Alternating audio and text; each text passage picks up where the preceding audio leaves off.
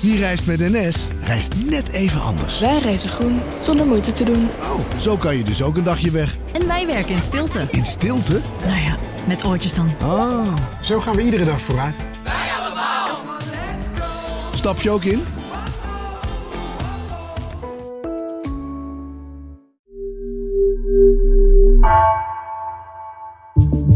Vanaf de redactie van NRC het verhaal van vandaag. Mijn naam is Gabriella Ader.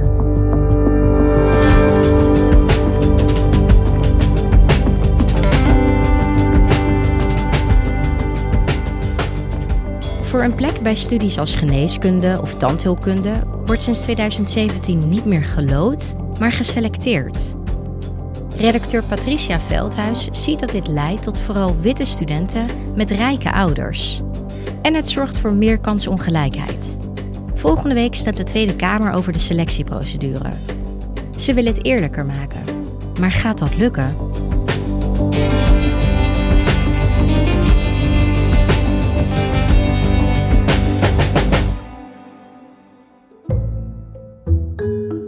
Ik sprak Jebber, hij is een student geneeskunde in Utrecht.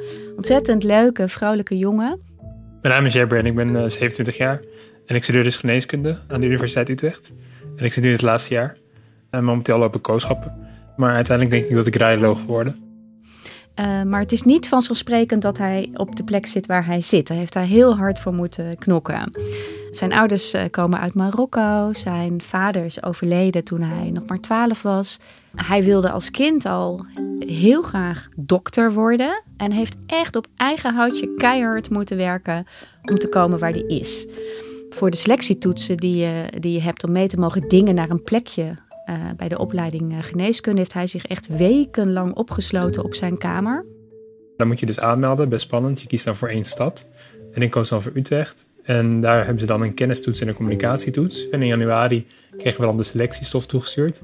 En toen heb ik me gewoon, ja, ik denk dat ik elke avond wel echt aan het leren was. Dus elke avond was ik op mijn kamer aan het studeren. Niemand in mijn eigen omgeving kon me echt helpen met de selectie oefenen. Mijn moeder die, die is zelf überhaupt nooit naar school geweest. Dus die, uh, die heeft hem ook al nooit de kans gekregen om te lezen en schrijven. Die kan het nu ook nog niet. En mijn vader is heel jong overleden toen ik 12 was. Dus ik heb veel zelf moeten doen. Dus ik had niemand, geen arts in de familie, die me daarbij kon helpen of begeleiden. Hij werd uiteindelijk uh, toegelaten. En toen ontdekte hij dat zijn studiegenoten in de collegezaal bijna allemaal door hun ouders naar trainingen waren gestuurd, waar ze in een aantal dagen werden klaargestoomd voor de selectietoets. En hij zag ook dat hij ongeveer de enige was in de collegezaal met een uh, migratieachtergrond. Waar ik op de middelbare school de enige Marokkaan was op het VWO. Zeg maar, toen ik op de universiteit kwam, was ik alsnog een van de weinigen. Er waren wel iets meer. Maar als je kijkt naar etnische diversiteit, dan was er niet heel veel etnische diversiteit in de college. Hoe, komt het dat die groep zo uh, homogeen is? Dat is helemaal niet zo gek als je bedenkt wat er is veranderd in de manier waarop opleidingen studenten binnenhalen. Tot 2017 gebruikten heel veel opleidingen nog loting. En sinds 2017 mocht dat niet meer en mochten ze wel selecteren. En daar gebruiken opleidingen allerlei verschillende methodes voor. Maar in die vijf jaar laten verschillende onderzoeken zien dat dat heeft geleid tot een homogenere studentenpopulatie. Omdat die selectiemethodes bepaalde groepen meer en andere groepen minder kansen geven. Ik heb daar samen met mijn collega Frederik Weda uh, onderzoek naar gedaan. En daarvoor hebben we wetenschappers gesproken, artsen. En dan zie je dat met name um, kandidaatstudenten met een uh, uh, migratieachtergrond. En dan heel specifiek mensen met een Turkse, Marokkaanse, Surinaamse of uh, Nederlands-Caribische achtergrond, dat die minder kans maken om te worden toegelaten. En hetzelfde geldt voor een groep studenten die we vaak bijvoorbeeld eerste generatie studenten noemen, waarvan de ouders niet gestudeerd hebben. En dat zie je met name dus bij geneeskunde, tandheelkunde, dat de studenten in die collegezalen, dat zijn veel vaker witte meisjes en dan ook nog eens uh, kinderen van ouders die tot de rijkste 10% van Nederland uh, behoren. Daar wordt wel eens grappend over gezegd de blonde paardenstaartjes van geneeskunde. En dat klinkt lollig, maar daar gaat wel iets achter schuil waar, waar niemand op zit te wachten. Namelijk, je wilt ook dat iedereen een gelijke kans krijgt om arts te worden. We leiden dokters op voor de maatschappij. En daarom wil je denk ik ook dat de artsen van de toekomst een mooie afspiegeling zijn van de maatschappij. En omdat een dokter dan misschien ook goed begrijpt waar je zelf mee zit uh, en welke dingen er spelen in de cultuur. En dat merk ik nu bijvoorbeeld ook wel aan mijn kooschappen, doordat nou, ik heb dan een Marokkaanse achtergrond. En dan kan je toch iets beter in de cultuur inleven en dan in de problematiek. Ik denk dat het wel mooi zou zijn dat dat iets meer zou zijn. Vorige week heeft de Tweede Kamer hier ook over gedebatteerd. En dan zie je dat er een meerderheid is die voor opnieuw invoeren van uh, loting is. Omdat ze het eerlijker willen maken daarmee. Voorzitter, met dit uh, wetsvoorstel wil de regering de kansengelijkheid voor aspirantstudenten vergroten. Daar gaan ze volgende week over stemmen. En ja, het is de vraag of dat ook gaat lukken. Misschien wil je me even meenemen naar die periode voor 2017. Hè? Hoe, hoe zagen die lotingen er toen uit? Hoe ging dat? Ja, je moet je voorstellen, ieder jaar zijn er veel meer uh, aankomende studenten dan beschikbare plekken voor opleidingen met een numerus fixus. Uh, bij geneeskunde bijvoorbeeld zijn er drie keer zoveel aanmeldingen als plaatsen. wat er toen meestal gebeurde, is dat universiteiten uh, konden loten. En dat was een gewogen loting. Dus hoe hoger je cijfer, hoe meer kans je maakte. Oh, maar het, ja, het maakte wel verschil uit dus wat voor cijfer je had. Maar hè, er waren veel voorbeelden in die tijd van scholieren die echt uh, hartstikke goede cijfers hadden voor hun eindexamen. Met een 9 gemiddeld alsnog werden uitgeloot. En het dan een jaar later opnieuw gingen proberen en een jaar later opnieuw. En nooit konden doen wat ze het liefste wilden, namelijk arts worden. Dus er is al heel lang, ook voor 2017, is er al gepraat en gedebatteerd over hoe kunnen we dit nou eerlijker maken. Nou, wat ze toen hebben bedacht, uh, hè, we gaan het eerlijker maken doordat we de meest gemotiveerde studenten toelaten. Het is gedaan met de loting voor populaire studies met weinig plaats. Vanaf 2017 mogen studies als geneeskunde en rechten hun studenten anders selecteren op basis van bijvoorbeeld cijferlijsten en een motivatiebrief in plaats van de centrale loting. Wat je ziet is sinds de afschaffing van de loting in 2017 hebben we de decentrale selectie. Dat betekent dat universiteiten zelf mogen bepalen op welke manier ze studenten selecteren voor opleidingen met een numerus fixus. Uh, in de praktijk zie je dat soms een heel pakket aan eisen is waarmee ze uh, scholieren selecteren. Ze moeten een motivatiebrief schrijven. Ze hebben aanbevelingen nodig van docenten of artsen. Uh, ze hebben praktijkervaring nodig vaak. Dat ze bijvoorbeeld stage hebben gelopen in een verpleeghuis. ze moeten ook toetsen doen. Dus het is echt een best wel pittig pakket geworden waar ze zich mee moeten voorbereiden. Nou, en die selectie zou het systeem dus eerlijker uh, maken. En je kan zeggen dat dat gelukt is voor de blonde paardenstaartjes met een 9 die telkens werden uitgeloot. Maar wat we nu zien is dat er een nieuw soort oneerlijkheid is ontstaan. En dat is op het gebied van de diversiteit. Ja, want waarom zorgt dat systeem daarvoor? Waarom zorgt het systeem voor meer kansongelijkheid? Ja, dat zit op een aantal factoren. Um, het, het, eerste is heel simpelweg uh, geld. Wat mensen zeggen van zodra je uh, gaat selecteren, ligt de factor kapitaal op de loer. Puur naar cijfers kijken bijvoorbeeld. Je ziet al op de middelbare school en zelfs tegenwoordig al op de basisschool dat ouders die het kunnen betalen, die de weg weten, die het heel belangrijk vinden dat hun kind hoge cijfers haalt, daar heel veel in investeren. We hebben het hier aan tafel wel eens eerder gehad over de groei van het schaduwonderwijs, de bijlesindustrie. En dat zie je ook bij de selectietoetsen van de geneeskunde en tandheelkunde opleidingen. Daar kun je ook weer voor trainen tegen betaling. Er is een hele markt ontstaan van commerciële bureaus die deze studenten in spe trainen om hun selectietoets zo goed mogelijk te doorstaan. Je had daar een paar websites voor. Ja, klopt. Zullen we daar eens naar kijken? Ja. ja, er zijn er echt een heleboel. En dan zie je meteen hoe populair het is. Want die selectietoetsen die staan weer voor de deur. En je ziet dat de meeste ja. trainingen alweer zijn uh, volgeboekt. Ja, ik zie hier een website van het AMC, Decentrale Selectie Geneeskunde UvA. En dan kan je eerst een adviesgesprek doen. Mm -hmm. En een selectietraining zelf, dat is 200 euro. En privébijles is 230 euro. Ik heb ook trainingen gezien, dan zit je bijna op 1000 eh, euro. En dat kan gewoon niet iedereen betalen natuurlijk. Los nog van het geld hoorde ik bijvoorbeeld van Jebber, die had geen idee dat dit bestond. Ja. Het is ook nog iets, als je ouders zelf gestudeerd hebben of zelf arts zijn, dan weet je ook de weg. Hè? Dan weet je dat dit bestaat. En voor een hele grote groep studenten geldt dat niet. Wat ik wel zie is dat veel mensen, of van een paar mensen waarvan ik weet dat ze bijvoorbeeld een Marokkaanse achtergrond hadden. Ik gaf ook bijles aan kinderen op een gegeven moment gratis. En dan, dan wouden ze geneeskunde gaan studeren, maar ja, ze hadden dus niet zo'n goed idee wat die decentrale selectie inhield. Soms waren het hele slimme mensen, ook denk ik mensen die echt wel goed als arts later hadden kunnen functioneren met aandacht voor de mens. Maar ja, dan loop je dus eigenlijk vast op zo'n selectieprocedure omdat je niet precies weet hoe, wat, waar. Ik denk dat dat wel voor kansongelijkheid kan zorgen. En om me heen, ja, de diversiteit valt wel tegen.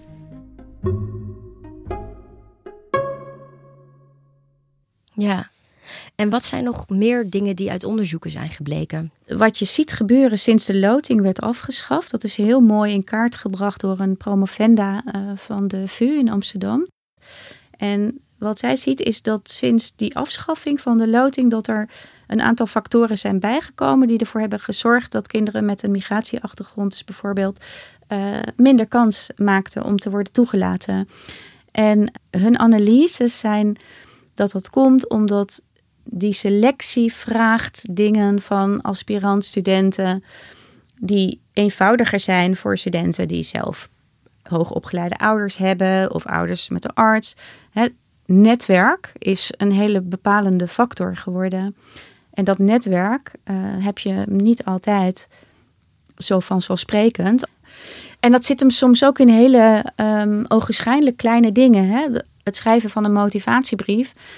Ja, dat helpt wel als daar even iemand naar kan kijken. Die weet welke woorden je het beste kan gebruiken en welke niet. Hè? Of um, een aanbevelingsbrief. Het is ook niet vanzelfsprekend dat jij mensen vindt um, om je daarmee te helpen wat je ziet, een student als Jebber, die, uh, die vond dat heel lastig. Dus dat betekende voor hem dat hij zich wel heeft aangemeld uh, voor de opleiding in Utrecht, maar niet voor die in Nijmegen, want daarvoor had hij aanbevelingsbrieven nodig. In Nijmegen moet je drie aanbevelingsbrieven aanleveren voor je decentrale selectie, uh, in mijn tijd. En ik dacht echt, waar moet ik, als ik me in Nijmegen zou inschrijven, waar zou ik die brieven vandaan moeten halen? Moet ik dat dan bij mijn biologiedocent vragen? Dus dat verkleint je kans eigenlijk misschien ook wel. Ja, dat zien we wel in, in de cijfers. Want wat je ziet is dat de groep studenten met een Turkse, Marokkaanse, Surinaamse of Nederlands-Caribische achtergrond, die een plek wil bij een geneeskundeopleiding of bij tandheelkunde, die is groter geworden. Maar het aantal toegelaten studenten uit die specifieke groep is juist kleiner geworden.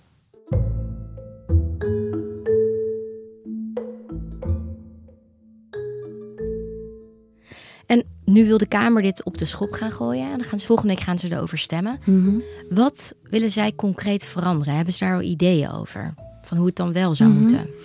Wat ze willen, en ook minister Dijkgraaf hè, van Onderwijs is daar uh, een voorstander van, is dat er uh, loting weer kan worden toegevoegd. En daarom denken we dat we met de introductie van loting in het instrumentarium een eerlijke manier hebben om deze schaarse plaatsen te verdelen. Het is een extra instrument in de gereedschapskist van de instellingen. En de keuze van welke instrument is nog steeds dan aan de instelling. Dat betekent niet dat het verplicht is, maar universiteiten mogen dan weer loting gebruiken als een van de elementen om studenten te selecteren. Dus hoe moet ik dat dan voor me zien? Dat het een combinatie wordt? Ja, waarschijnlijk wel. Kijk, universiteiten zelf zijn er ook bij gebaat uh, dat het systeem wat eerlijker wordt. Uh, want die willen natuurlijk ook gewoon dat de collegezalen wat meer een afspiegeling zijn van de maatschappij. Plus dat uh, selecteren ze ook een hoop geld en gedoe kost. Hebben de onderzoekers die jij hebt gesproken hierover, hebben zij een idee over hoe het dan wel zou moeten? Ja, en dat vind ik ook heel interessant om um, op door te gaan, ook in mijn eigen onderzoek hierna. Omdat um, zij zeggen eigenlijk, ja, loting is ook niet eerlijk. Hè? Dan, dan hou je de kansenongelijkheid voor een deel in stand. Ook omdat um, kansenongelijkheid begint niet aan de poort van de universiteit. Die begint, als ik het even simpel zeg, al in de wieg. Dus de onderzoeker die ik sprak, Lianne Mulder van de VU, die had een, ehm, een paar hele mooie voorbeelden van universiteiten in het buitenland. Uh, ze noemde uh, onder andere Schotland, waar ze um, rekening houden met de context waarin een kind uh, opgroeit bij hun selectie. Dus stel je hebt twee scholieren die in aanmerking willen komen voor een plek bij geneeskunde, die hebben allebei een 7,5. Dan kijken ze, oké, dat ene kind heeft op een dure privéschool gezeten in Schotland. Het andere kind heeft op een public school gezeten en komt uit een arm gezin bijvoorbeeld. Of heeft, uh, moet een mantel zorgen voor een zieke moeder. ze kijken naar al die factoren en dan kijken ze... oké, als dat ene kind die uit die wat moeilijker omstandigheden komt... in die omstandigheden een 7,5 heeft gehaald... Ja. kunnen we ervan uitgaan dat hij misschien wel een 9 had gehaald... als hij ook op die privéschool had gezeten. Dus dan gaat dat kind voor. En overwegen universiteiten in Nederland ook om dit zo te doen? Dat zou ik niet durven zeggen. Daar heb ik ze nog niet naar gevraagd. Maar dat kan een heel mooi eh, vervolgstuk zijn. Ja, gaat die toevoeging van het lotingselement, hebt, gaat dat dan echt werken, denk je? Nou ja, het is in elk geval een klein schakeltje. Want um, bij loting uh, wordt er niet gekeken naar waar je vandaan komt. Hè. Dat, dat speelt geen rol. Dat is gewoon neutraal, zou je kunnen zeggen, in zekere zin. Terwijl selectie dat niet is. Ja, want ik kan me ook echt wel voorstellen dat als jij misschien iemand bent met een bepaalde achtergrond, um, dat je het ook fijn vindt om geholpen te worden door iemand met een soortgelijke achtergrond, toch? Absoluut. En dat zeggen artsen zelf ook, hè, die wij hebben gesproken. En, en we zagen het ook in, in de reacties op ons stuk hierover. Waar heel veel artsen zich ook uitspreken voor loting. Aan de ene kant omdat ze zeggen, ja, als ik door zo'n selectiehoepeltje had moeten springen destijds, was ik nooit arts geworden. Maar er zijn ook heel veel artsen die zeggen: ja, voor ons is het ook heel belangrijk dat ook artsen een, ja, snappen wat er speelt in de maatschappij. Dat hoorde ik ook van Jebber toen hij zijn eerste kooschappen liep. En er mensen in de wachtkamer zaten bij hem die ook een Marokkaanse achtergrond eh, hadden. Dat die heel blij waren dat hij hun taal sprak. En daarmee kan hij eh, ook een soort ja, rolmodel zijn voor misschien wel een nieuwe generatie artsen. Ik merk als je dus met de jonge kinderen praat van 12 tot 14. Op een gegeven moment komt dan wel ten sprake waar mijn naam vandaan komt. En als je dan zegt, ik ben Marokkaan, zegt ze, wow, nu wil ik ook gaan studeren. En dat is wel heel cool, dat je ze op die manier kan inspireren. Dus dat je rolmodellen hebt. Dus dat het eigenlijk op jonge leeftijd al begint met ja, dat mensen toch zichzelf ook kunnen herkennen in de universiteit. Ik hoop dat ik ze kan inspireren. Ook dat ze denken, wow, als hij het kan, dan kan ik het ook. Dankjewel, Patricia. Graag gedaan.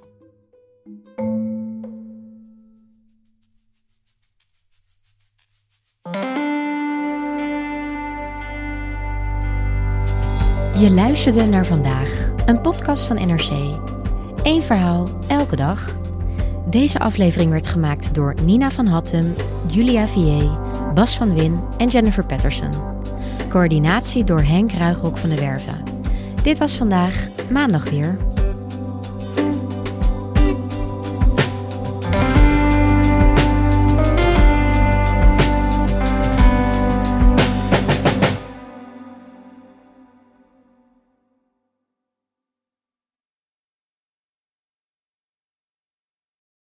De financiële markten zijn veranderd, maar de toekomst, die staat vast. We zijn in transitie naar een klimaatneutrale economie. Dit biedt een van de grootste investeringskansen van onze generatie. Een kans voor u om mee te groeien met de pioniers van morgen. Meer weten? Ga naar carbonequity.com. Carbon Equity. Do good by investing better.